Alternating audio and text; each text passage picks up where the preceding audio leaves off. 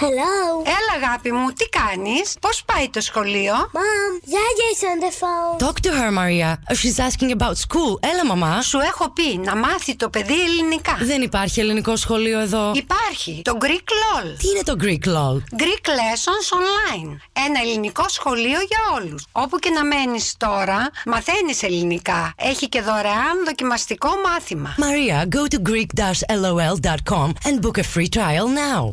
Greek Lessons Online is the biggest Greek online school and the first Greek school coming right to your door. All lessons are delivered by highly qualified native Greek teachers. Open the virtual door of the most popular and innovative online Greek school and book your free trial lesson today at greek-lol.com.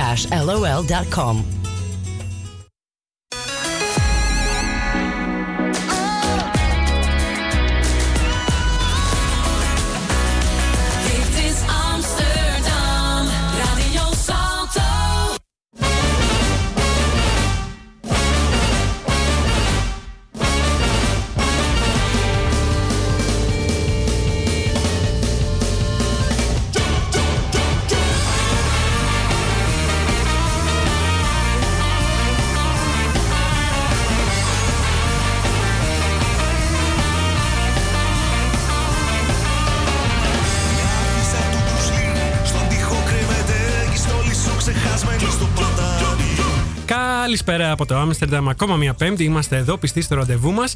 Εσείς, όπου και αν βρίσκε- ε, βρίσκεστε, ακούτε ασφαλώς Ελλάς Πίνακα, στη μόνη ελληνική εκπομπή στα Ολλανδικά FM, ζωντανά όπως κάθε Πέμπτη 9 με 10 το βράδυ, τοπική Ολλανδική ώρα. Στο μικρόφωνο του Ράδιο Σάλτο, ο Νίκος Κουλούσιος.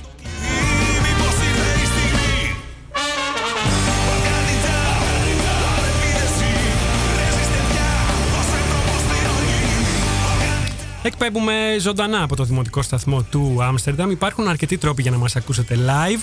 Αν αγαπάτε το συμβατικό ραδιόφωνο και βρίσκεστε στο Άμστερνταμ, θα μας βρείτε στο Radio Salto σε 106,8 των FM και καλωδιακά στο κανάλι 103,3 πάλι και μόνο στην περιοχή του Άμστερνταμ. Ενώ διαδικτυακά μας ακούτε παντού στον κόσμο από το site μας elaspidacas.com με ένα κλικ στο κουμπί Listen Now.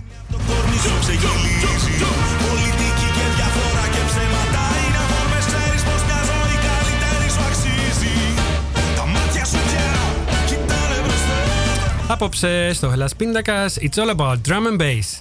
Credo on Hella- on Hellas Pindakaas. Στο στούντιο της εκπομπής έχουμε την Χρυσούλα, a.k.a. Credo, που είναι Ελληνίδα DJ με βάση το Άμστερνταμ και παίζει, τι άλλο, drum and bass. Και για τους λάτρεις του είδους, η καλεσμένη μας μας έφερε και ένα δικό της μίξ για να παίξουμε στην εκπομπή. Μείνετε συντονισμένοι.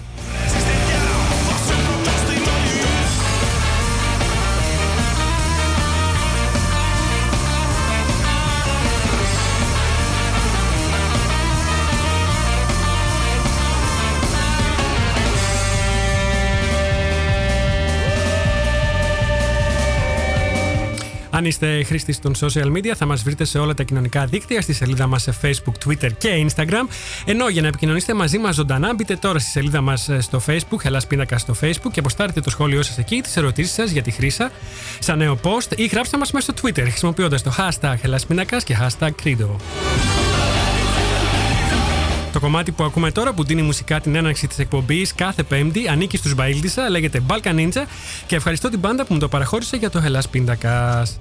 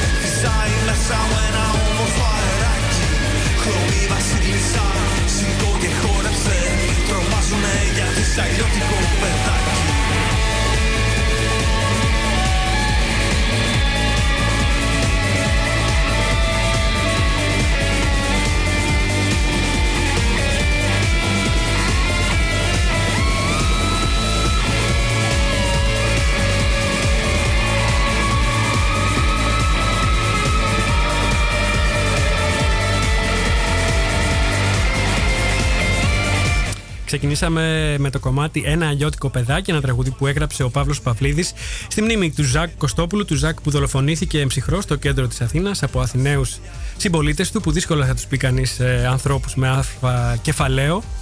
Παγκόσμια μέρα του ύπνου σήμερα της πίστη, αλλά και Παγκόσμια μέρα κατά του ρατσισμού η σημερινή. Στη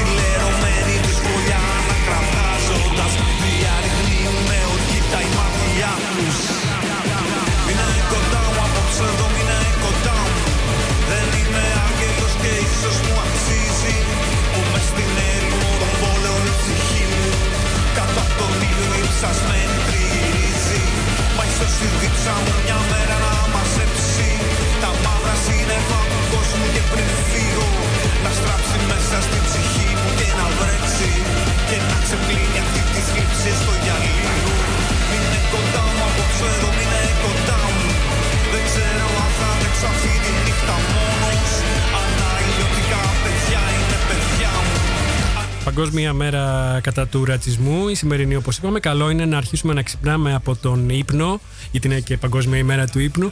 Να ξυπνάμε από τον λίθαργο, να αντιληφθούμε ότι το τέρας του ρατσισμού μας έχει πλησιάσει πάρα πολύ και μας έχει ακουμπήσει σε πολλές εκφράσεις και εκφάνσεις της κοινωνικής μας ζωής. Νομίζω είναι χρέος μας ε, ως συνετοί και υπεύθυνοι πολίτες να σταθούμε όρθιοι και απέναντι σε κάθε λογή ρατσιστικό φαινόμενο και επεισόδιο και δυστυχώς Έχουμε αρκετά από αυτά τώρα τελευταία, ακόμη και στη φιλήσυχη και μετριοπαθή Ολλανδία, όπως αυτό στην Ουτρέχτη με πέντε νεκρούς πριν λίγες μέρες. Λίμωνο Είχαμε πάντα τόσα πράγματα να πούμε Για όλα αυτά που εμείς ποτέ μας δεν τολμήσαμε Για όσα κρίμα ούτε τώρα εδώ τολμούμε Μέσα σε αυτό το πνεύμα, το Packhouse des Weicher, εδώ η έδρα μας στο Άμστερνταμ παρα- παρουσιάζει εδώ και λίγες μέρες την εβδομάδα ενάντια στο ρατσισμό. Πρόκειται για ένα φεστιβάλ με τίτλο Zamen tegen Rassisme, μαζί ενάντια στο ρατσισμό. Είναι ένα φεστιβάλ που περιλαμβάνει διαλέξεις, εκδηλώσεις, δρόμενα, τέχνες, φιλμ, μουσική και φαγητό. Ω τις 23 Μαρτίου κρατούν οι δράσεις. Το πρόγραμμα θα το βρείτε στο site desfacher.nl. Στις ε, 23 Μαρτίου, το Σάββατο που μας έρχεται δηλαδή, μεθαύριο, τελευταία μέρα των εκδηλώσεων, θα γίνει και πορεία ενάντια στο ρατσισμό στο Άμστερνταμ, όπως ανάλογες δράσεις έχουν ε, ε, οργανωθεί και για άλλες ε, πρωτεύουσες της Ευρώπης. Ε, έτσι δηλαδή, με την πορεία αυτή ενάντια στο ρατσισμό, θα κλείσουν οι εκδηλώσεις του φεστιβάλ Zamen Tegen Rassisme.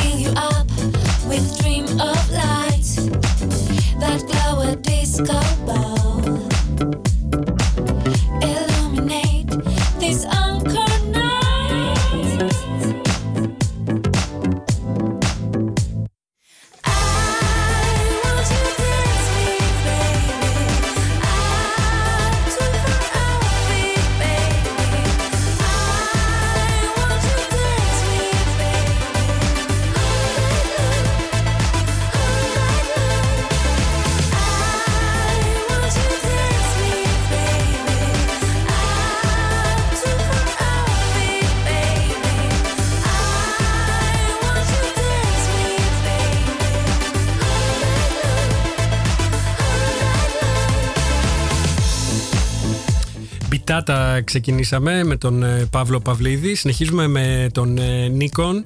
Ε, το κομμάτι λέγεται All Night Long, featuring Chloe Ann και ο Νίκον και η Chloe Ann ήταν εδώ στο φεστιβάλ του Ελλάς Πιντακάς, στο πρώτο φεστιβάλ του Ελλάς Πιντακάς και παίξανε ως μικρό φυσικά.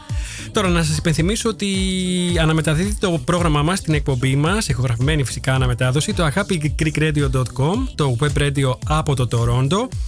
Ε, κάθε μέρα στη μία το μεσημέρι, αυτό για όσους είστε στην Ολλανδία ή σε κάποια χώρα με την ίδια ώρα με την Ολλανδία. Όσοι χάνετε δηλαδή το ζωντανό Hellas Πίτακα, κάθε Πέμπτη μπορείτε να ακούτε ε, την αναμετάδοση και από το agapigreekradio.com κάθε μέρα στη μία το μεσημέρι.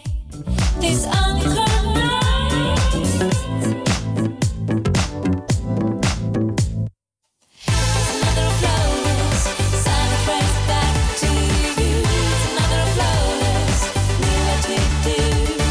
Όπως φυσικά όλες τις παλιότερες εκπομπές μας μπορείτε να τις ακούτε και μέσα από το site μας hellaspitakas.com από την ενότητα εκπομπές ή απλά μέσα από το κανάλι μας στο SoundCloud από όπου μπορείτε και να κατεβάζετε και να σώσετε στο αρχείο σας όποια εκπομπή σας ενδιαφέρει και σας αρέσει να την έχετε. Να σας πω και κάτι ακόμα ε, για την Τέτη Κασιόνη και τον Γιώργο Αθανασίου. Είναι φίλοι, φίλοι, φίλοι και φίλοι της εκπομπής, αλλά και φίλοι γενικά.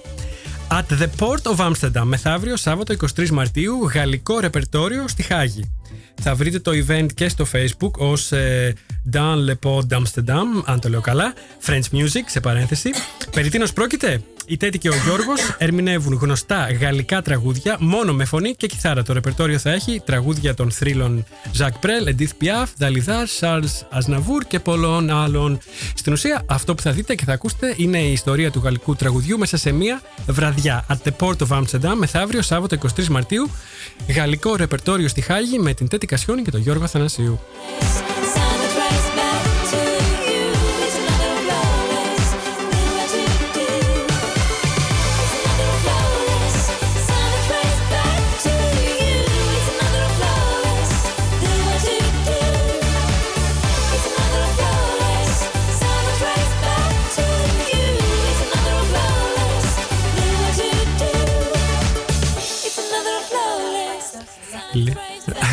Θα, θα σου ανεβάζω το μικρόφωνο, πρόσεχε. θα σε... Και θα μιλάω γαλλικά στους, Ναι. α, στους ακροατές μας. Ναι. Για, για πες μας κάτι. Δεν σε ακούμε. Ε, έλα λίγο κάθισες, ε, κάθισες αυτό. Ναι. Τώρα, τώρα, τώρα. Δο, δοκίμασε τώρα. Αυτά έχει το ραδιόφωνο live. Ναι, ναι, ναι, έτσι. Σούπερ. Λοιπόν, να πούμε ότι. Εντάξει, το χάσαμε λίγο. Δεν δούλευε ο μίκτη, νόμιζα και αγχώθηκα.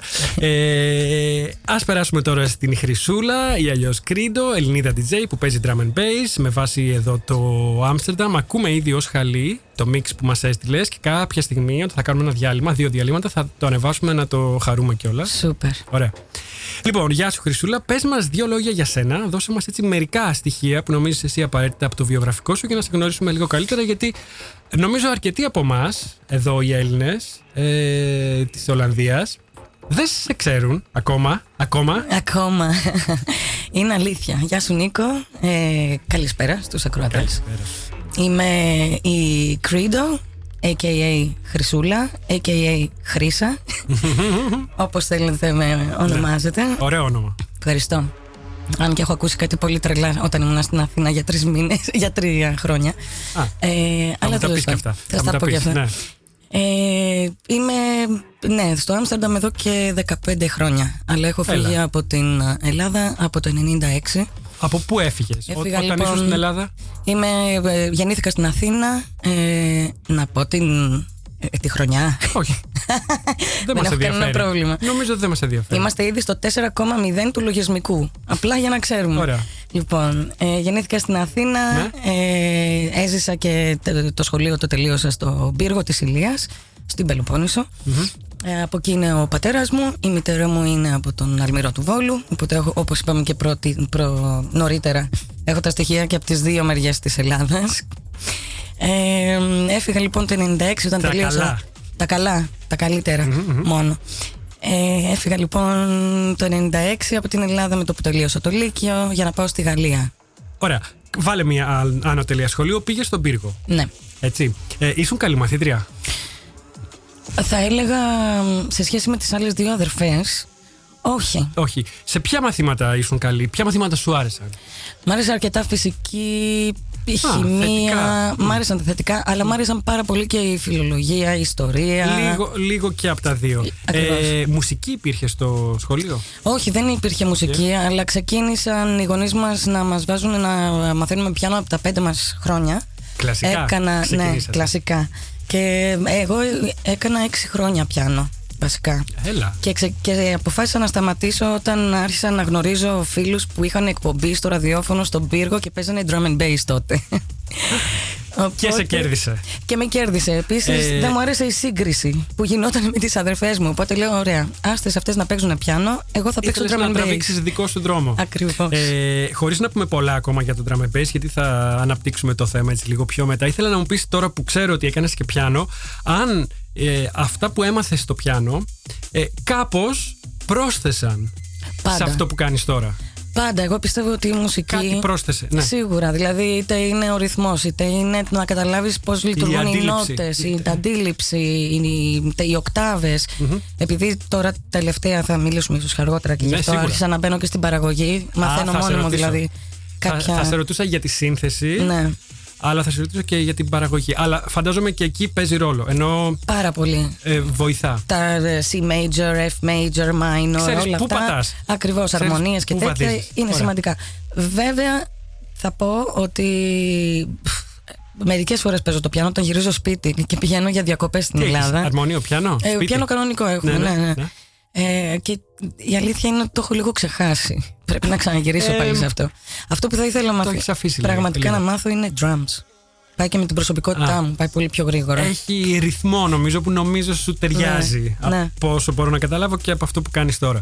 Ε, μ, θέλω να μου πεις αφού μιλήσαμε για τα παλιά, να μείνουμε λίγο εκεί, πότε πήγες στο πρώτο σου κλαμπ, αν θυμάσαι; Και αν θυμάσαι και ποιο ήταν αυτό για Wow. την ε, ιστορία. Θα σου πω, ήταν στον Φαντάζομαι- πύργο. Ναι. Ήμουνα 14 ή 15 Μμμ. και το σκάγαμε με τη μικρή μου την αδερφή από την Έλα. πίσω πόρτα της, της, ε, του, του σπιτιού, του κήπου για Ναι. να βγούμε γιατί οι γονείς εννοείται ότι δεν μας άφηνε Ναι, ναι, ναι, ναι, ναι. και μ, νομίζω λεγόταν τότε ή λέγεται ακόμα απλά δεν είναι πλέον κλαμπ στον πύργο πάντα Rex Μάλιστα. Ναι. Ωραίο όνομα. Πολύ ωραίο Ε, τι μουσική θυμάσαι λίγο, θυμάσαι ποια, ποια ήταν τα πρώτα σου ακούσματα, αυτό θέλω να πω. Τα πρώτα Ή μου μέσα από ακούσματα- ραδιόφωνο. Θα σου δεν πω, ξέρω η- γιατί. επειδή έχω την αδερφή μου τη μεγάλη, η οποία είναι πέντε χρόνια μεγαλύτερα από μένα. Ε, στο Δανειζόσουν σπίτι- από εκεί. Στο σπίτι ερχόταν περισσότερο η, η μουσική των 90s, α, τα οι μπαλάντες, α, κάτι Michael Bolton, κάτι ξενέρωτα, περίεργα, ναι, κάτι ναι, ναι. πολύ ξενή έρωτα. Δηλαδή δεν ήταν ούτε για μένα ούτε για τη μικρή μου την αδερφή. Εγώ λοιπόν άρχισα να ψάχνω, επειδή γνώρισα και αυτούς τους φίλους που σου έλεγα που ήταν μεγαλύτεροι, άρχισα να ακούω τα κομμάτια του, των Metalheads, του Goldie, Inner City Life και όλα αυτά τα κλασικά. Οπότε άρχισα να ψάχνω με λίγο παραπάνω και ήταν και η εποχή του MTV. Ναι. Οπότε το hip hop και το R&B ναι.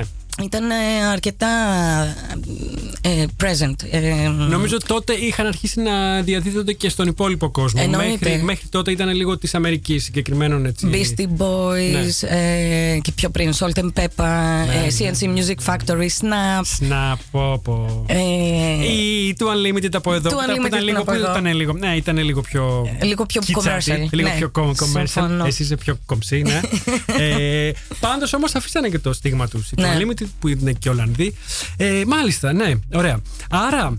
Ε, το drum and bass, από ό,τι θυμάμαι την ιστορία που μας είπες πριν λίγο, το γνώρισες μέσα από το ραδιόφωνο στον πύργο; μέσα από τους φίλους Από που την είχαν παρέα; βινίλιο, Ναι. ε, η παρέα ακριβώς, και είχαν ξεκινήσει μια μερατησιτεχνική, ερασιτεχνική το είπα σωστά, μπράβο τα ελληνικά μου, Ναι, ναι, ναι. ε, εκπομπή στο ABC Radio Wow. FM στον Πύργο, το θυμάμαι ακόμα. ABC Πύργος. ABC Πύργος, δεν υπάρχει πλέον πια, εννοείται. Του. Ε, και ξεκίνησαν τα παιδιά λοιπόν να έχουν αυτή την εκπομπή. Έβλεπα τα βινίλια, έβλεπα τι έκαναν. Γύριζα μετά το σχολείο ή το έσκαγα λίγο από το σχολείο. Ναι. Και πήγαινα στα παιδιά το μεσημέρι να δω λίγο την εκπομπή. Ναι. Ε, Και έτσι αποφάσισα να σταματήσω το πιάνο και να, και να αρχίσω να ασχολούμαι λιγάκι περισσότερο και να ακούω περισσότερο αυτού του είδους τη μουσική ουσιαστικά. Ναι, ναι, ναι. Ε, μ, τι έχεις σπουδάσει; Τι έχω σπουδάσει. Λοιπόν, σε ξαναγυρίζω εγώ στο 96. Τώρα έχουμε φύγει από τον πύργο και έχουμε πάει στην Αθήνα, έτσι; Τώρα έχουμε φύγει από τον πύργο και Ναι. είμαστε το 96. Έχω τελειώσει το Λύκειο στον πύργο και έχω φύγει καπάκια για Γαλλία. Όπου εγώ έζησα Α. στη Γαλλία έξι χρόνια στον Πογντό. Πρώτα πήγες στη Γαλλία, μετά στην Αθήνα. Ε, θα Και σου πω. Α, Πρώτα λοιπόν πήγα στη Γαλλία. Έμεινα έξι χρόνια εκεί. Ήταν ε, δική μου απόφαση να μην περάσω καν πανελλήνιες στην Ελλάδα. Δεν με ενδιέφερε να μείνω στην Ελλάδα. Είχα τη δυνατότητα λόγω των γονιών ευτυχώς Ναι. να μ, μου ανοίξουν τις πόρτες και να μπορέσουν να με βοηθήσουν για να πάω στη Γαλλία να κάνω τις σπουδές μου. Όπου λοιπόν εκεί πήγα και τα δύο πρώτα χρόνια έκανα γλώσσες. Γι' αυτό και μιλάω 8 γλώσσες, αλλά είμαι fluent μόνο σε 6 με διπλώματα. ναι. Τις, Πώς. βα- τις, βα- τις βασικές. Τις βασικές, ναι, τις μπανάλι λέω εγώ. Δηλαδή, ελληνικά, τα βάζω και αυτά μέσα. Ναι. Γαλλικά, αγγλικά, ιταλικά, ισπανικά, ολλανδικά, πλέον όταν ήρθα εδώ. Ναι. Και ρώσικα, ιαπωνέζικα έκανα επίσης στη Γαλλία. Αυτά, Ε, είναι, αυτά είναι έξτρα. Είναι τα ρώσικα, γιαπωνέζικα είναι γλώσσες για αυτούς που έχουν. ε, Τα ρώσικα, Κότσια. ιαπωνέζικα. Θέλουν είναι- κότσια. Εντάξει. Α σου πω. Ε, τα το γιαπωνέζικα πλάνο μου νομίζω ακόμα περισσότερο γιατί. Είναι εύκολα. Ε, Ναι. Εμένα μου φαίνονται εύκολα. Όλες οι γλώσσες μου Τα φαίνονται ιδεογράμματα εύκολες. σου φαίνονται εύκολα. Επίσης. Όπως επίσης και ο τρόπος να σκεφτείς για να φτιάξεις μια, μια φράση στα Ιαπωνέζικα που είναι τελείως διαφορετική από τις άλλες γλώσσες. Ναι. Αλλά ναι, Άρα τα δύο όταν έχεις έφεση σου φαίνονται, είναι, σου φαίνονται πιο βατά. Ξέρεις τι, Αυτό Ρενίκο, συμπεραίνω επειδή μου από το αυτό λένε που μου πολύ, λες. με ακούνε, όπως είπαμε και πριν, με ακούνε εδώ πέρα να μιλάω με τους Ισπανούς Ισπανικά, με τους Ιταλούς Ιταλικά, Ναι. με ρωτάνε από πού είμαι. Κανένας δεν βρίσκει ότι είμαι Ελληνίδα. Όλοι νομίζουν ότι είμαι Ισπανίδα πρώτα απ' όλα, μετά Ιταλίδα, μετά από την Αργεντινή και μετά από δεν ξέρω πού. Ναι. Ε, ε, ε, δεν πιστεύω και γυρίζουν και μου λένε έχεις ταλέντο για τις γλώσσες. Πραγματικά δεν πιστεύω ότι κάποιος πρέπει να έχει κάποιο ταλέντο για τις γλώσσες. Είναι τελείως καθαρά motivation. Είναι δηλαδή, εάν σε ενδιαφέρει κάτι, όπως με την παραγωγή για τη μουσική. Αν Ναι. σε ενδιαφέρει, θα καθίσεις εκεί με Ναι. τις ώρες να μάθεις το πρόγραμμα και το λογισμικό για να Ναι. φτιάξεις κάτι. Έχεις δίκιο. Το πρώτο πράγμα είναι η θέληση, αλλά υπάρχουν και άλλα πράγματα. Δηλαδή αυτό που λέμε το αν τα παίρνεις, αν είσαι καλός με γραμματικές, με το να θυμάσαι λεξιλόγιο, όλα αυτά βοηθάνε. Αν τα έχεις, είναι ατού. Αν δεν τα έχεις, δεν είναι ότι δεν μπορείς να μάθεις μια γλώσσα. Απλά αν τα έχεις, αν έχεις μια κλίση, ε, αν α πούμε έχεις μάθει τις βασικές γλώσσες, ας πούμε γαλλικά, γερμανικά, μετά πολύ πιο εύκολα μαθαίνεις Εντάξει, εγώ- ισπανικά, ιταλικά ή ξέρω εγώ, ολλανδικά. Όλες τις γλώσσες τις έκανα επίσης από τα γαλλικά. Και δεν είναι η μητρική μου Επίσης, γλώσσα. Ναι, αυτό. Το Η- οποίο τα σημαίνει- γαλλικά και τα γερμανικά ως βάση σε βοηθάνε πάρα πολύ μετά για να κατακτήσεις κι άλλες Σίγουρα. γλώσσες. Ναι. Πάρα πολύ, αρκετά. Ε, και τα ολλανδικά πόσο σου πήρε να τα μάθεις, άρα για να έρθουμε και στο προκείμενο. Ε, εδώ; πήγα για ε, δύο εξάμηνα στο πανεπιστήμιο. Με το που ήρθες; Με το που ήρθα. Πήγα και γράφτηκα στο πανεπιστήμιο, στο Universiteit van Amsterdam. Έλα. Ε, είχαν το Foreign Languages ε, Studies, whatever, Ναι. για τους ε, ξένους. Ε, έκανα ένα πρώτο εξάμεινο, αλλά δεν ήμουν πολύ ευχαριστημένη. Ε, και στη συνέχεια πήγα στο Oxford House, ε, που είναι στο Nieuwezijds Voorburgwal, OK. κοντά στο Spui. Εκεί λοιπόν έκανα άλλο ένα εξάμεινο για να ετοιμαστώ για το NT2. Ναι. Και ε, μετά. η- Τις η- έδωσες τις εξετάσεις; δεν, τις, δεν, τις- με- δεν πήγα για τις εξετάσεις. Ούτε εγώ Ήταν, ήταν περισσότερο Ούτε- για ούτε να πάω εγώ σε πήγα. καλύτερο Ναι, ναι, ναι. επίπεδο. Ωραία. Ε, σε είχα ρωτήσει όμως και το πηδήξαμε λίγο τι σπούδασες; Να, Ναι. φτα- να φτάσουμε και σε αυτό. Λοιπόν, όταν λοιπόν. Φεύγεις από ήμουνα- τον πύργο, πας στη Γαλλία. Φεύγω από τον πύργο. Πάω στη Γαλλία. Είμαστε το 96. Ξεκινάω τις γλώσσες. Ναι. Το 98 που είμαι για να τελειώσω, ας πούμε, τις περισσότερες γλώσσες και μου μένουν μόνο ρώσικα και ιαπωνέζικα να πάω για το δίπλωμα. Α, ε, Είμαι 19 χρονών. Σωστά. 19 Πω, πάω στα πω. 20. Οπότε ε, εννοείται ότι άρχισα να σκέφτομαι τι θέλω να κάνω. Ναι. Να γυρίσω και να ανοίξω σχολή για να κάνω μαθήματα γλωσσών δεν με έβλεπα στην Ελλάδα. Οπότε μ, αυτό κοιτούσαν οι γονείς μου και μου λέγανε Α, γιατί δεν γυρίζει. Και λέω κάτι δεν μου πάει εδώ. Οπότε άρχισα να ψάχνομαι. Επειδή οι γονείς μου είναι σε- με δικιά τους, ήταν με δικιά τους εταιρεία, στην α, δικιά τους επιχειρηση στη, στο, στην Ελλάδα. Είχα αυτή την κλίση. Ε, οπότε πήγα σε διάφορες εμπορικές σχολές, business school Ναι. της, ε, του Bordeaux και άρχισα να παίρνω τα μ, φυλάδια για να δω λίγο το πρόγραμμά τους. Ναι. Ε, πήγα λοιπόν το καλοκαίρι πριν τελειώσω το, το 98 το Το καλοκαίρι. ήθελες. Το, το ήθελες, ήταν απλά κάτι που. Πάρα πολύ όμως. Το ήθελες. Ήταν δικιά μου απόφαση, θα σου πω τώρα. Α. Λοιπόν, πάω λοιπόν, γυρίζω καλοκαίρι για τις διακοπές Ναι. ε, στους- στη- στο πατρικό το σπίτι και έχω κάνει τη δικιά μου, το δικό μου, τη δικιά μου επιλογή ε, των δύο business school που ήταν οι καλύτερες και που το πρόγραμμα ήταν καλύτερο για μένα. Το πρόγραμμα επίσης, να κάνω μια παρένθεση, είναι ότι για μένα ήταν σημαντικό να μην είσαι μόνο στη θεωρία, ειδικά όταν έχει να κάνει με Ναι. business. Οι πάρα πολλοί βγαίνουν από τις καλύτερες ανώτατες εμπορικές σχολές που υπάρχουν, αλλά δεν έχουν καμία άποψη με την πραγματικότητα όταν πάνε να ιδίως- δουλέψουν. Και ιδίως στην Ελλάδα. Μένουμε πολύ στο Και, θεωρητικό. και στη Γαλλία μπορώ να σου πω. Α, ναι. Πάρα πολύ. Εδώ, εδώ τουλάχιστον ε, βλέπω ότι το πρακτικό μέρος, ιδίως με internships και stage και διάφορα, το προσ- προσπαθούν να το κρατάνε έτσι. Αρκετά δυνατά. Ενέργα, ναι.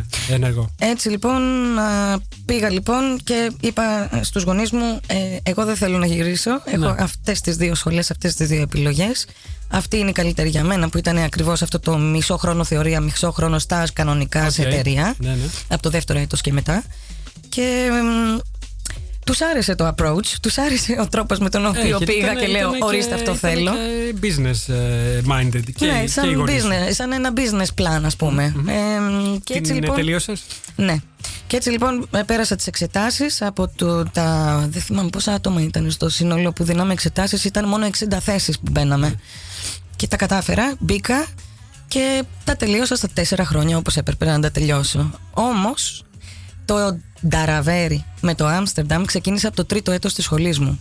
Ήταν η Από- πρώτη φορά που ήρθες στην πόλη; Αποφάσισα να κάνω Εράσμους από τη Γαλλία στην In Holland που είναι η business school εδώ στο Diemen, στο Άμστερνταμ. στο Diemen. Μμμ. Έτσι λοιπόν το τρίτο και το τέταρτο έτος, δηλαδή το πέμπτο και το έκτο έτος της ζωής μου στη Γαλλία ήταν έξι μήνες στη Γαλλία, έξι μήνες εδώ. Πρώτα για Εράσμους και στο τέταρτο έτος για το στάζ. Άρα από εκεί μπήκε το μικρόβιο για τη ζωή στο Άμστερνταμ. Το Ε, μικρόβιο το- του drum and bass για να το. ως, ως επάγγελμα. Ως κάτι που θα κάνεις και θα βγάζεις και χρήματα ίσως από αυτό. Πότε, πότε μπήκε στη ζωή σου; Όταν λοιπόν εγώ ήμουνα στη σχολή το πρώτο έτος στη Γαλλία γνώρισα κάτι παιδιά ε, που έγιναν πολύ καλοί μου φίλοι και είμαστε ακόμα φίλοι μετά από 20 χρόνια, Ναι. 21 πλέον, ε, οι οποίοι είχαν ένα sound system και δεν έπαιζαν drum and bass. Ε, τότε στη Γαλλία ήταν πάρα πολύ μεγάλο το techno. Όλα τα free techno parties, ε, σε, μ, ε, Και στο Βέλγιο το I Love αποθήκες. Techno. Ναι, ναι, ναι. Ε, ε, το- τότε ήταν Techno, πάρα techno. πολύ μεγάλη αυτή η σκηνή. Έτσι λοιπόν άρχισα να είμαι με τους φίλους να κατεβάζουν τα sound system, να παίζουν μουσική. Μέχρι τότε δεν είχες ξαναπαίξει. Μέχρι τότε δεν είχα ξαναπαίξει. Ούτε στο ραδιόφωνο που μας είπες. Όχι, στον δεν είχα πύργο. ξαναπαίξει. Δεν είχες παίξει η ίδια. Όχι, ούτε είχα Dex, ούτε είχα βινίλιο, ούτε είχα τίποτα. Ναι. Αρχίζω λοιπόν να μπαίνω το 98.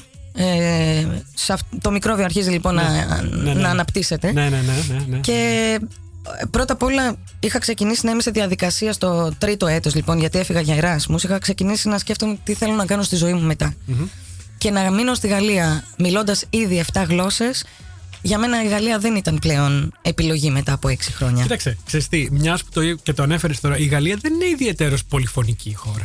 τώρα έχει αλλάξει λιγάκι αλλά τότε φαντάσου καθόλου Αν μπορούμε να το πούμε πολυφωνική. Ε, καθόλου όμως. Ω προς τις γλώσσες εννοώ. Ναι. Ναι, ναι, ναι. Δεν ήταν. Ή- Ήταν όπως η Γερμανία. Δηλαδή μάθαινες γαλλικά γιατί έτσι έπρεπε και από εκεί και πέρα άντε ίσως καμία από τις αραβικές, αφρικανικές αν έκανες παρέα. καθόλου Με τε- αλλά ούτε αυτό. ε. καθόλου Ούτε αυτό, όμως ναι. καθόλου αλλά Ε, τέλος πάντων Άρα αυτό σου έλειπε στη Γαλλία. Ε, στη Γαλλία μου έλειπαν Ενώ- οι γλώσσες και όταν ήρθα εδώ για το Erasmus και ήμουνα σε ένα Εδώ είναι- student flat Global Village. που μιλούσα και έκανα μ, το, τη μετάφραση μεταξύ Γάλλων, Ισπανών, Ιταλών, γιατί κανένας τους δεν Ταυτόχρονα. μιλούσε αγγλικά και ήμουνα η μόνη.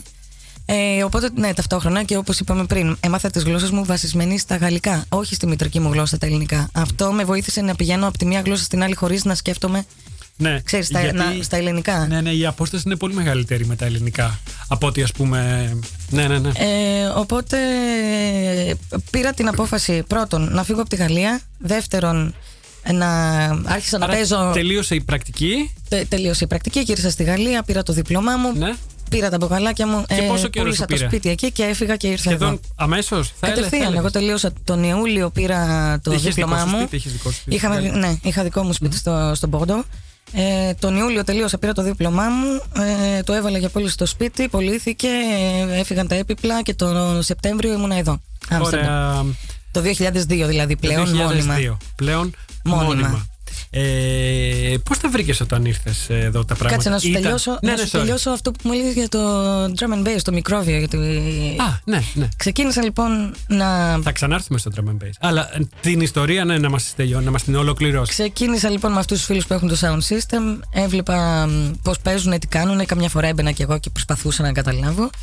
Ε, και πλέον όταν πήρα το πτυχίο μου και πήρα την απόφαση να φύγω και να έρθω εδώ να ξεκινήσω την καριέρα μου και να δουλεύω, ε, είπα ότι αρκετά επίσης οι γονείς μου έχουν πληρώσει για τις σπουδές μου. Από εδώ και πέρα είναι δικός μου στόχος το να αγοράσω τα βινίλια, το να αγοράσω το equipment, τα, τα decks και τους μείκτε και ό,τι χρειάζομαι. Και αυτό έγινε. Και πώς τα κατάφερες; Με την πρώτη μου δουλειά που ήταν στην ABN AMRO, στα κεντρικά, Έλα. στο headquarters, Ναι.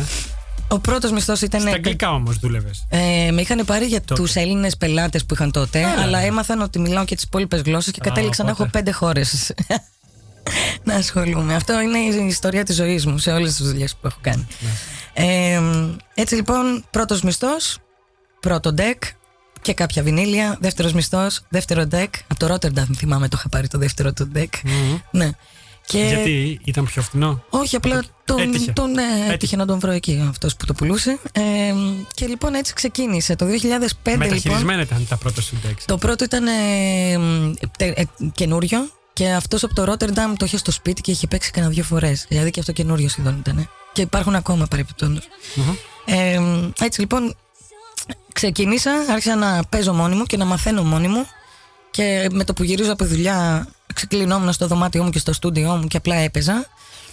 Και ε, τελικά γνώρισα τα- κα- ε, το παιδί που ξεκίνησε το Cheeky Monday, που είναι ένα πάρτι το οποίο γίνεται τώρα στο Melkweg πλέον. Ναι, Τότε ναι. ήταν στο Winston. Και ξεκίνησα λοιπόν το, Winston 2000. στη Βάρμουστρατ. Στη Βάρμουστρατ, Στο κέντρο, που ναι. έκλεισε. Ε, Έγινε ξενοδοχείο, τι έγινε τώρα, κάτι τέτοιο. Ένα πολύ Εστιατόριο. τουρι, τουριστάδικο εμένα μου Ναι. έκανε, αλλά είπα, χτι- βαρούσε όπως, όπως λέγαμε και στα ελληνικά κάθε φορά που περνούσα απ' έξω. Και έτσι ξεκίνησα το residency σαν drum and bass DJ Αχα. στο Άμστερνταμ το 2005 Winston; στα Cheeky Monday στο Winston. Και μετά σε Ωραία άλλα ιστορία. Parties. Και ωραία η αρχή, η αφετηρία σου. Δηλαδή, ναι, και, ο, και ως ιστορία, αλλά και, και ενδιαφέρουσα μ, αφετηρία είχες. Αρχή. Το, το πάνε είναι να παλεύεις. Αν έχεις ένα όνειρο, Ναι. είναι να το κυνηγάς. Και Ναι. πολλές φορές θα πέσεις. Ή θα πέσει και το όνειρο. Δεν πειράζει. Πώς το βρήκες στο Άμστερνταμ όταν ήρθες, Ήταν αυτό που είχες Καμία- φανταστεί, είχες ονειρευτεί; Αυτό που είχα φανταστεί και είχα ονειρευτεί, ναι, γιατί το είχα ζήσει δύο χρόνια για έξι μήνες Ναι. και από άποψη Το Άμστερνταμ βέβαια φοιτήτριας. αλλάζει σχεδόν κάθε χρόνο. Και, οι δύο, και μερικές φορές και ραγδαία κιόλας. Δηλαδή από, από τη μια χρονιά στην άλλη αλλάζει και σχεδόν η καθημερινότητα. Ε, Συμφωνώ. Δεν ξέρω άμα το... Όμως τότε, Ναι. το, 90 το 2000. Ήταν τα ας πράγματα πούμε, ακόμα αγνά; Ήταν πολύ αγνά. Ε, και μπορώ να και πω υπήρχε πολλές και ιστορίες. underground και Πάρα υπήρχε πολύ. και. Ναι. Πάρα πολύ. Ενώ τώρα; Ε, τώρα θυμάσαι ένα debate ε, ε, που υπήρχε πριν από κάποιους μήνες που λένε τι έχει μείνει πλέον να κάνουμε στο Άμστερνταμ; Ε, Πολύ ωραία ερώτηση. Ήταν ένα Ολλανδικό debate που έκαναν. ε, Δεν θυμάμαι σε ποιο μέρος. Ήταν πολύ σωστό. Πολύ τρική ερώτηση, αλλά. σωστό. On- κέρια, on δηλαδή, point. on point, ναι. Και Ε, η αλήθεια είναι, ναι, συμφωνώ μαζί σου ότι έχει αλλάξει πολύ. Ε, έχει γίνει Commercial, έχει γίνει gentrified, over gentrified, super gentrified. και δηλαδή, conservative. αυτό.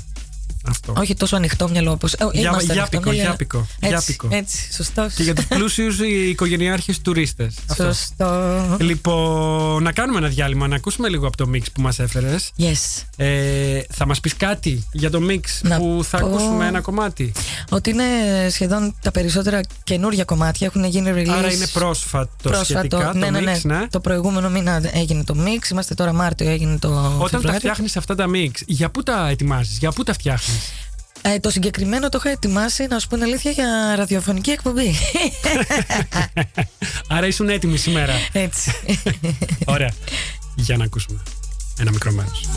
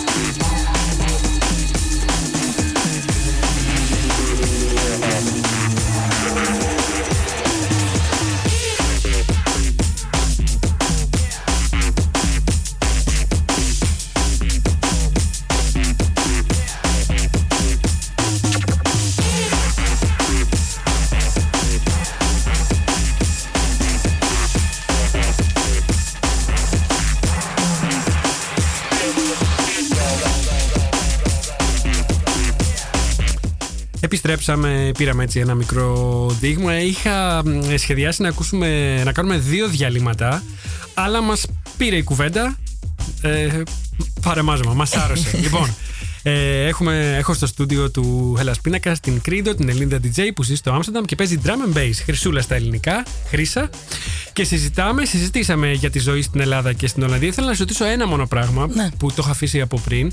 Ήθελα να μου πεις αν πιστεύεις ότι η ζωή είναι πιο ελεύθερη, ελεύθερη από περιορισμούς, όπως το καταλαβαίνεις, όπως το νιώθεις αυτό που σου λέω, ε, στην Ελλάδα ή στην Ολλανδία; Πού είναι η ζωή πιο ελεύθερη, νιώθεις; Συνεχίζω να λέω ότι είναι εδώ, Ναι, στην Ολλανδία. οι περισσότεροι που έχω ρωτήσει, γιατί είναι, είναι από τις ερωτήσεις που θέλω να επαναλαμβάνω στους καλεσμένους μου, ε, μου λένε ότι στην Ελλάδα νιώθουν πιο. Εάν εννοούν ότι Εξαρτάται πηγαίνει το τι στο. ψάχνει ο καθένας και το τι θέλει. ο Αυτό, καθένας. ποια Ναι. είναι η, η έννοια της ελευθερίας που έχει ο καθένας στο κεφάλι του, πρώτον. Και δεύτερον, εάν εννοούν το ότι πας στο εστιατόριο και ακόμα καπνίζεις, ε, ή ότι στο κλαμπ μπορείς ακόμα να καπνίσεις. Τις γαϊδουριές δηλαδή. Ξέρεις ναι, όλα τις αυτά. ελληνικές, Είναι αυτό. Ε, αυτό. Έχεις ναι, δίκιο. είναι Αν εννοούν ελευθερία. αυτό, αν εννοούν αυτό, έχεις δίκιο. Αλλά πραγματικά μετά από όλα αυτά που έγιναν και με την οικονομική κρίση, δεν είναι- θεωρώ καθόλου Οι ότι οι ελευθερίες Έλληνες... περιορίστηκαν. Ναι. ναι, ναι. Λοιπόν, ε, drum and bass. Drum and bass in your face. Να κάνουμε και μία σύνδεση μιας και ξεκινήσαμε με Ελλάδα. Στην Ελλάδα η ηλεκτρονική και η dance μουσική έχουν μέλλον. Και για να το κάνω ακόμα πιο πιπεράτο, έχουν παρόν. Έχουν παρουσία. Λοιπόν, θα σου πω ότι μετά από 14,5 χρόνια που ήμουν στο εξωτερικό λοιπόν, το Ναι. 2010 μέσα στην κρίση... Έχεις εγώ παίξει πή- Ελλάδα; Εγώ πήρα την απόφαση να φύγω από το Άμστερνταμ και να γυρίσω στην Αθήνα. Για λίγο. Για τρία χρόνια. Α, τρία χρόνια; Ήμουνα τρία χρόνια. Τα έμεινε τα τρία όλα. Ήμουνα Ενώ- και Σαριανή. Ναι, ναι, ναι, ναι, ναι. Ήμουνα στην Αθήνα. Και έπαιζες εκεί; Και έπαιζα εκεί, έκανα και δικά μου πάρτις. Με όνομα, με, τίτλο; Με τίτλο ήταν ε, τα Drum and Bass Warfare, DNB Warfare. Α. Και δούλευα και με άλλα παιδιά. Και αυτό λοιπόν είναι ο σύνδεσμος σε αυτή Πες την μου. ερώτηση που Ναι. μου έκανες Άρα εσύ. υπάρχει παρουσία. Υπήρχε αρκετή παρουσία. Ε, υπάρχει λιγότερη παρουσία διότι όλο αυτό με την κρίση δεν βοήθησε καθόλου. Και επίσης στο drum and bass υπάρχουν ε, τουλάχιστον δύο μεγάλα ονόματα. Μεγάλα για μένα τουλάχιστον, γιατί έχουν κάνει και να καλά ακουστούν, releases. Να μας τα πεις. Η Δυσφόνια, ο Γιώργος και ο Κώστας, δύο παιδιά τα οποία ξεκίνησαν με το Function Crew. Άμα το θυμάσαι, έκαναν parties, α, free parties, α, όπως επίσης νομίζω έπαιζαν... Free parties. Free parties έπαιζε ο Χάρης Function, ο οποίος είναι και ο, ο μεγαλύτερος, ας πούμε, ο μπαμπάς των Function και είναι πολύ καλός φίλος. Ε, Έπαιζε και στο Άλσος. Στο Θα Άλσος. θυμάσαι τα Sunrise και όλα αυτά. Εγώ δεν έχω πάει ποτέ εντωμεταξύ. Το Το Άλσος χάσα. ήταν στο, στο, Πού είναι πα- αυτό; στο παρκό. Το πάρκο, μπράβο. Ε, πεδίο του Αρέως. Thank you. Έτσι ακριβώς. Έχω πάει σε ένα πάρτι. Γιατί εγώ πρώτα πέρασα Αθήνα, Αχα. πήγα για μια χ- χρονιά και είδα και έζησα όσα δεν είχαμε πάνω. Στη Θεσσαλονίκη οπότε τα πέρασα όλα. Είδες. Θυμάμαι ότι γινόταν πανικός στο Άλσος. Δηλαδή τέτοιο πάρτι δεν είχα ξαναδεί μέχρι τότε γιατί δεν είχα βγει και εξωτερικό.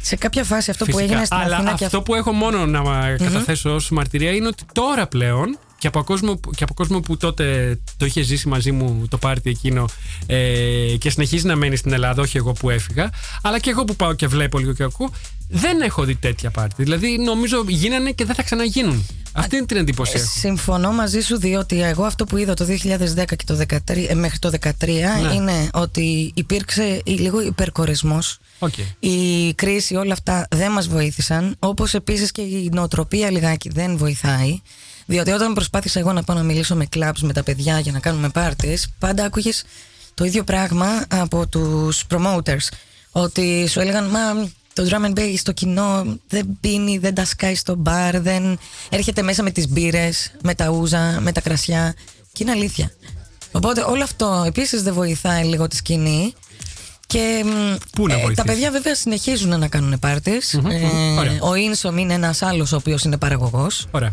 Λοιπόν, ε, θα μας πεις λίγα πράγματα για την ιστορία του Drum and Bass. Επιγραμματικά, από πού ξεκίνησε, ήθελα να σε ρωτήσω, ε, θεωρείται η μετεξέλιξη κάποιου προγενέστερου είδους; Και αν υπάρχει κάποιο μουσικό είδος που είναι η βάση όλης της dance μουσικής; Σου βάζω Κοίταξε να δεις, ξεκίνησε πάρα με πολλά. τα, με τα jungle, σωστά. Και Το jungle Ωραία. τότε, τη δεκαετία του 90. Ποια είναι η βάση όμως το μουσικό είδος που λειτουργεί ως βάση για όλη την dance μουσική. Είναι η disco, αυτό που είχα διαβάσει κάποτε, ισχύει; Εγώ Κα- δεν κάπου. νομίζω. Νομίζω ότι υπάρχουν influences και. Ε, ε, ε, βοήθησε με λίγο στα ελληνικά. Influences. Επιρροές, Ε, ναι. επιρροές, μπράβο. Από διάφορες μουσικές, όπως εξελίσσεται η μουσική. Όμως στην αρχή, για μένα, το reggae, για παράδειγμα, Α. είναι ένα στοιχείο το, έπαι- το οποίο έπαιξε πάρα πολύ μεγάλο Στην, ε, ρόλο στη μετεξέλιξη. στη jungle. Α, Η οποία στη συνέχεια, γιατί ήταν happy hardcore, jungle, στη συνέχεια έγινε drum and bass και ξαφνικά τώρα πλέον ωραίο το έχεις jungle. πολλά φάσματα Ναι. της drum and bass. Μμμ, μμμ.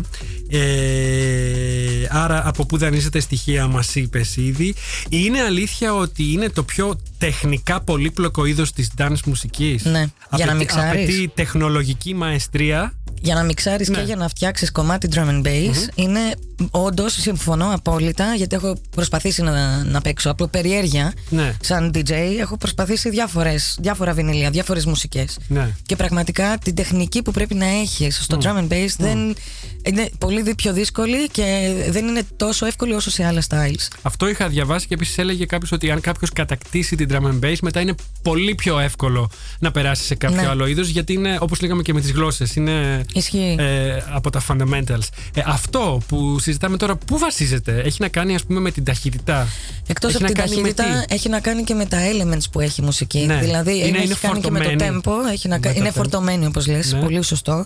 Αν ακούσεις ένα techno minimal κομμάτι, είναι, είναι πιο, πιο απλό. αφαιρετικό, πιο απλό. Ναι, ναι, ναι, ναι. Ακριβώς. Ε, μ, όταν επιλέγεις κομμάτια για ένα σετ, ποια είναι τα κριτήριά σου; Ε, για μένα πρώτα απ' όλα Πας, ας είναι πούμε, με την καρδιά σου, με το συνέστημα. Έχεις ένα πλάνο; Πάντα, θα σου πω, ε, για μένα ένα mix, είτε το κάνεις ε, σε κλαμπ, είτε το κάνεις Ναι. για ραδιόφωνο, πάντα είναι μια ιστορία. Άνα, μπράβο. Αυτή η ιστορία είναι λίγο διαφορετική ανάλογα με το πώς είναι το κοινό μπροστά σου και σε ποιον απευθύνεσαι. Από εκεί και πέρα, εμένα, ναι, μ' αρέσει η jungle. Ξεκίνησα να παίζω jungle όταν ξεκίνησα πρώτα, τα πρώτα χρόνια της drum and bass. Στη η, συνέχεια. η jungle είναι λίγο πιο άγρια drum and bass. Ε, Είναι λίγο πιο Όχι, εγώ ρο, θα είναι έλεγα λίγο πιο πιο μελωδική, ομή. Α, είναι πιο πιο reggae. μελωδική. Ναι, ναι, Α, ναι, ναι, πιο ναι. μελωδική και πιο reggae, αυτό που μας είπες πριν. Ναι. Ωραία. ε, Ναι. έχω, έχω βέβαια αγοράζω βινίλια και, και κομμάτια από. Παίζεις διά- ακόμα με βινίλιο. Ναι, ναι, ναι, ναι, ναι. Αυτό είναι ένα Όσο από τα δικά περισσότερο μου trademark. μπορείς, όσο περισσότερο μπορείς. εννοώ. Μόνο βινίλιο. Μόνο βινίλιο; Ε, δηλαδή, έχω δοκιμάσει με σεράτο, έχω δοκιμάσει, έχω μίκτη ο οποίος άμα τον βάλω με USB στο λάπτοπ μπορώ να παίξω digital. Συγγνώμη, ε, ένα μικρό διάλειμμα. ναι, ναι, ναι, ναι, ναι. Ε, αλλά το βινίλιο είναι η αγάπη μου και πραγματικά πιστεύω ότι ένας καινούριος DJ πρέπει οπωσδήποτε να ξεκινάει να μαθαίνει το βινίλιο και μετά να πηγαίνει στο digital. Άρα το σάλτο που έχει pickups Ναι. ε, σχεδόν σε όλα τα στούντιο, τουλάχιστον στο 4 που είμαστε εμείς, ε, βοηθά, σε βοηθά και εδώ είναι νομίζω καλό στο σημείο, θα δώσουμε Μ' καλή αρέσεις. πάσα Μ' αρέσεις. για να πούμε ότι η Κρίντο, η φίλη μας η Χρύσα, ε, θα ξεκινήσει σε πολύ λίγο. Θες να μας τα πεις εσύ; Να σας τα πω εγώ. Ε, είχα ξεκινήσει πριν από έξι μήνες ε, να είμαι host, co-host, μία-δύο φορές το μήνα με την Germain. Την κοπελιά. Δι- δική μου παράληψη έπρεπε να πω στην αρχή της εκπομπής ως εισαγωγή Κανένα πρόβλημα. ότι ο σύνδεσμος που μας έφερε κοντά και ο λόγος στην ουσία που είσαι εσύ εδώ, γιατί δεν σε ήξερα, είναι η Ζερμέν, με- η οποία παίζει επίσης drum and bass. Έχει δική της εκπομπή. Δεν παίζει drum and bass η Germain, παίζει πιο Ιταλοντίσκο. Έλα. Ναι, ναι, ναι, είναι τελείως διαφορετικό στυλ. Ε, α, και ε, ξεκίνησα να είμαι guest. ε, Και έχει κανα- εκπομπή, ναι, για να τελειώσω λίγο, έχει εκπομπή η Ζερμέν εδώ. Ναι. Στο Σάλτο και έχουμε εμφανιστεί και στη τηλεόραση σε ένα χριστουγεννιάτικο special. Σωστό, το έχω δει και αυτό. Και η Ζερμένη λοιπόν με είχε ε, καλέσει δύο φορές να είμαι guest σαν guest mix, τίποτα άλλο. Ε, αρχίσαμε να μιλάμε, να συζητάμε λίγο περισσότερο και μου ζήτησε να είμαι co-host μία-δύο φορές το μήνα. Ε, επειδή εγώ δουλεύω και με την ομάδα, το community του Drum and Bass, εδώ στο, στην Ολλανδία που λέγεται drumandbass.nl, Ωραία. ε, έφερα και την ομάδα μου λοιπόν, το, σαν represent την, το community και έκανα τη δεύτερη ώρα από τις δύο ώρες που έχει η Germain, μία-δύο φορές το μήνα. Όπου λοιπόν η πιο λογική ε, Εξέλιξη των πραγμάτων thank you, είναι, ναι. εξέλιξη των πραγμάτων μετά από έξι μήνες είναι να μιλάω με το Σάλτο για να έχουμε δικιά μας εκπομπή, Μπράβο. το drumandbass.nl και εγώ μαζί. Μπράβο. Μπράβο, μπράβο, μπράβο. Ανυπομονούμε. Έχεις αγαπημένη ώρα, μέρα; Θα Στούντιο. είναι Κυριακή, για να, ε, στούντιο θα σου πω, θα είναι το δικό Το σου. στούντιο ως πείραγμα το λέω. ως πείραγμα. Γιατί το σχολιάσαμε και αυτό. ναι. Σωστό. Ε, θα ξεκινήσουμε από αρχές Κυριακή Απριλίου. ήταν η πρώτη μου μέρα. Μετά Αλήθεια; άλλαξα τρεις φορές. Αλλά Κυριακή απόγευμα ήταν η πρώτη μου μέρα, 7 με 8. Και εμείς θα αλλάξουμε, αλλά ξεκινάμε Κυριακή 7 με Ωραία. 8. Απίστευτο. Ωραία. Ε, μ, είσαι παιδί της νύχτας, θα έλεγες. Παρόλο που ασχολείσαι και ε, με επιχειρήσεις και με business Είμαι ως έναν παιδι- βαθμό, με το ναι, εμπορικό, ας πούμε. Ναι, είμαι Είσαι παιδί, της είμαι νύχτας. παιδί της νύχτας. Σου αρέσει η νύχτα; Μ' αρέσει και το πρωί. Δηλαδή, μερικές φορές ξυπνάω 6 ώρα, 7 Έλα, και πάω ναι. γυμναστήριο στις 7.30 στις Θηρίο. 8.30. Αλλά κάποιες φορές δηλαδή είναι τόσο ωραία η νύχτα είτε για να ακούς μουσική είτε για να... ε, δεν ξέρω, οι ιδέες μου είναι καλύτερες το βράδυ. Μμμ. Πόσο millennial είσαι; Ε, και δεν έχει να κάνει με την ηλικία. Θα το κάνω λίγο πιο συγκεκριμένο. Ζεις και αναπνέεις μέσα από το κινητό σου; Ή είσαι στα social media, είναι τα social media ο ζωτικός σου χώρος; Θα μπορούσες να βγεις να παίξεις στο YouTube, σε ένα δικό σου κανάλι; Στο τελευταίο είμαι millennial, θα μπορούσα. Α, εδώ έχω είσαι. ιδέες για Ναι. κάτι πολύ χιουμοριστικό. Απλά δεν το έχω κάνει ακόμα. Τι ωραία. Ε, Έχει- μ' αρέσει έχουμε να χρόνο. γελάω και μ' αρέσει να κάνω τον κόσμο να γελάει και μ' αρέσει ο κόσμος γενικότερα. Τι ωραία. Εγώ είμαι μέσα, αν θες βοηθώ. Συ, ο, Είμαι, σούπερ. είμαι, είμαι μέσα. Σε ευχαριστώ, Νίκο. Ε, Ε, τώρα, όσον αφορά το κινητό, τα social Δεν και όλα είσαι αυτά. τόσο millennial. Όταν πρέπει να προμοτάρω κάτι γιατί είναι Ωραία. η μουσική, η δουλειά και όλα αυτά, θα το κάνω. Αλλά να είμαι κάθε πέντε λεπτά για να κοιτάζω το Insta και πόσα like έχω και το Facebook και μπλα μπλα μπλα. Όχι. Καθόλου όμως. Και υπάρχει ένα ωραίο YouTube για τους millennials. Ναι. όπου του, τους βλέπεις είναι ένας ε, ε, personal coach είναι από το Ισραήλ πολύ ωραίος άνθρωπος ο οποίος εξηγεί πώς είναι οι millennials και το κάνει σε πολύ ωραίο χιουμοριστικό τρόπο Ναι. όπου εξηγεί ότι βγαίνουν τώρα αυτοί οι millennials από τις σχολές ξεκινάνε μια δουλειά και μετά από μια εβδομάδα γυρίζουν και λένε δεν ξέρω, δεν είμαι καλά δεν, ναι. δεν, δεν προσφέρω τίποτα σε αυτή τη δουλειά δεν υπάρχει impact με συγγνώμη, το impact όταν είσαι 23, έχεις γεννηθεί, ε, Κάτσε μισό λεπτό. ε, Ναι. δεν έχεις καμία εμπειρία. Πώς να έχεις και impact; Ακριβώς. Βιάζονται, βιάζονται. Γενικά οι νέοι βιάζονται. Αυτό αλλά... είναι το millennials Ναι, τη έτσι, σήμερα έτσι, ημέρα. έτσι, έτσι. Don't be it. Ε, Πες μας και το κρίντο από που βγήκε. Α, ωραία ιστορία Το, και αυτή. το stage name σου. Όταν λοιπόν έπρεπε να βρω ένα stage name, καθόμουν να σκεφτόμουν, να σκεφτόμουν, να σκεφτόμουν και δεν υπήρχε καμία έμπνευση. Μέχρι που πήρα τηλέφωνο την αδερφή μου, τη μικρή, τη Δήμητρα, η οποία είναι στην Αθήνα. Ναι. Ε, ίσως και να μας ακούει. Γεια σου Δήμητρα. Και. μ, Μισό λεπτό. Βάλε μια ανωτελεία στην αδερφή σου, γιατί Ναι. ήθελα να στείλω χαιρετίσματα και νομίζω τα, τα, τα πρώτα ονόματα που είδα για να μας πεις, αν θέλεις, ποιο είναι και το επίθετό σου. Ήταν το Δήμητρα Ντο- Ντοά. Ντοά. Ντοά. Αυτό είναι το επίθετό μου. Αλήθεια. Ναι, τελείως ελληνικό, ε. Μοιάζει να είναι ε, ε, Γαλλικό. συντονιμία κάπου- κάποιου άλλου. Α πούμε, πώς το, το Παπαδόπουλος το κάνανε Πάπας στην Αμερική. Ε, άρχισε Κάτι να, τέτοιο. ψ- άρχισε να Ντοά. ψάχνει η αδερφή μου, η μικρή, Με κάποια τον στιγμή. τόνο στο Α. Ναι. Γαλλικά. Ναι. Γαλλιστή. Ναι. Ωραία. Να στείλουμε χαιρετήματα στην Δήμητρα, στην αδερφή σου, που αν μας ακούει, μας ακούει από την Αθήνα. Ίσως μας ακούει αυτή τη στιγμή και είναι στην Αθήνα. Σωστά. Ωραία. Να στείλουμε επίσης χαιρετήματα στην Εύα Πυρνοκόκη, στον Παναγιώτη Κενανίδη, φιλό σου, ο Παναγιώτης Κενανίδης. Γιατί είναι, και, είναι καινούριο όνομα. Μπορεί. Έχω και, Και γύρω να στα ανίδεις. 2.000 κάτι άνομα στο Facebook. Έλα. και λίγα είναι. και επίσης. Μισό λεπτό. Το χάσα. Δεν πειράζει. Έχουμε άλλα πιο σημαντικά να πούμε. Εύα Παναγιώτης, Δήμητρα, είδες; ναι. Άλλος, Ναι. ναι. άλλη; Δεν ξέρω. Πού είναι; Δεν τα έχω έτοιμα. Έχει περάσει και η ώρα τώρα. Και είμαστε και στο τέλος και αγχώνομαι. Λοιπόν, ήθελα να σε ρωτήσω. ε, αν, ναι, το τελευταίο, γιατί μου είπες κάτι πριν για την παραγωγή. Αν γράφεις και δικά σου κομμάτια, αν σε ενδιαφέρει η σύνθεση και αν σε ενδιαφέρει να παράγεις στην ουσία δικό σου ήχο. Ναι. Πες μας όμως για τη σύνθεση, πες μας και για την παραγωγή που θέλεις. Με ενδιαφέρει η παραγωγή ε, γιατί είναι το πιο λογικό πράγμα αφού έχεις κάνει DJing, έχεις παίξει σε gigs. Μ' αρέσει αυτή η εξέλιξη και την έχω ξεκινήσει να το παλεύω δηλαδή και να μαθαίνω το λογισμικό και τα λογισμικά μόνη μου από αυτό το καλοκαίρι ουσιαστικά. Είναι πολύ πρόσφατο. Ο λόγος είναι ότι είχα, όπως σου είπα, διπλή ζωή. Εγώ είχα και Ναι. δουλειά Γιατί λες account. είχα; Είχα διότι πήρα επίσης μια απόφαση αυτό το καλοκαίρι να Α. πάρω ένα sabbatical για να καταλάβω πού θέλω να πάει η καριέρα μου και τι ακριβώς θέλω να κάνω. Για τη μαμά μου που ακούει και δεν μιλάει αγγλικά, το sabbatical είναι κάτι σαν ε, μ, ε, άδεια. μ, Όχι, δεν είναι άδεια. ανε- είναι... ανε- ανεφαποδοχών. Όχι, Δεν το είναι λέω σε, άδεια. σε πολλά Ε, εισαγωγικά. Κάνεις ένα διάλειμμα, Είναι από την διάλειμμα. καριέρα σου. Είναι διάλειμμα. Για να κάνεις κάτι άλλο είναι ή να ξεκουραστεί κτλ. Αυτό. Είναι, είναι διάλειμμα, δηλαδή θα επιστρέψεις; Είναι διάλειμμα και σκέφτομαι να επιστρέψω. Το σκέφτεσαι. Το σκέφτομαι γιατί ο ένας από τους λόγους και η στρατηγική ήταν ότι θέλω να πάω σε κάτι άλλο πιο high level, πιο δημιουργικό. Γιατί αυτό Α, που ναι. έκανα πριν ήταν ε, πιο. ήμουν account director, δηλαδή έχει να κάνει με. Ε, Πώς να το πούμε τώρα αυτό, διαχείριση. Ενός διαχείριση λογαριασμού, των πελατών. Των πελατών, αλλά σε, ε, α- σε λίγο πιο high level ουσιαστικά επίπεδο, μέσα σε τηλεπικοινωνίες. Ήταν B2B το environment. Business to business, Business μάλιστα. to business. Οπότε αφού το έκανα όλο αυτό 11 χρόνια, συν και τα gigs και τα parties και όλα αυτά, δεν υπήρχε χρόνος για παραγωγή λοιπόν για να ξαναγυρίσουμε στην Ναι, ερώτηση. ναι. Και ένας από τους λόγους λοιπόν που ήθελα να κάνω το διάλειμμα είναι πρώτον θέλω να αλλάξω την καριέρα μου και δεύτερον θέλω να έχω λίγο περισσότερο χρόνο για το τι θα κάνω με τη μουσική μου. Μμμ, μμμ. Ε, εκτός από drum and bass, ε, τι άλλη μουσική ακούς, ποια άλλα είδη ακούς; Ε, ακούω τα πάντα. Πραγματικά ακούω Ελληνικά τα πάντα. ακούς; Ελληνικά, όχι, δεν ακούω. Όταν καψουρεύεσαι, βάζεις το τέρμα drum and bass; Ε, ναι. Αλήθεια. Liquid drum and bass. Αλήθεια. Yes. όταν πονάς, όταν σε πιάνει νοσταλγία, δεν υπάρχουν Όχι, θα κάποια σου πω. ελληνικά κομμάτια που, σου- που σου έχουν μείνει. που ας πούμε. ακούω funky hip hop, ακούω hip hop. Ακούς η πάρα Mamba πολύ. LD, για παράδειγμα. Η Mamba LD εννοείται ότι ακούω γιατί είναι και ο φίλος μου ο, ο Μανώλης, ο Είδες, MC Γίνκα σε που τσάκωσα. δουλεύει με τα Σε παιδιά. τσάκωσα. Αλλά γενικά όχι, μ, αρέσει, μ' αρέσουν όλα τα ακούσματα. Μ' αρέσει πάρα πολύ το jazzy hip hop.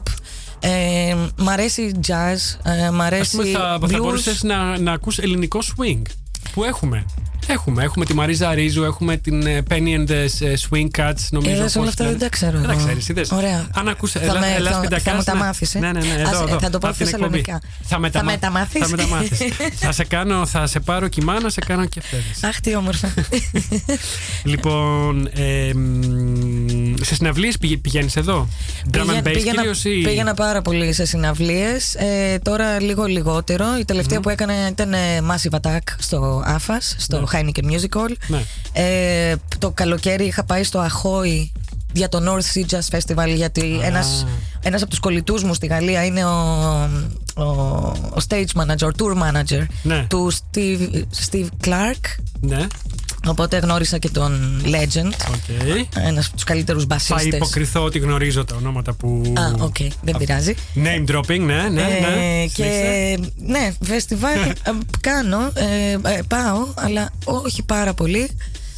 Γιατί μου αρέσουν τα πιο μικρά venues. Μ' αρέσει κάτι, δηλαδή η Massive Attack πήγα, ναι, είναι ωραίο. Πήγες, πήγες μαζί. Είναι μαζί. πάρα πολύ όμορφο, αλλά είναι πολύ, πολύ μεγάλο. Και εμένα μου αρέσει όταν είσαι λίγο πιο κοντά στον αρτίστα Ναι.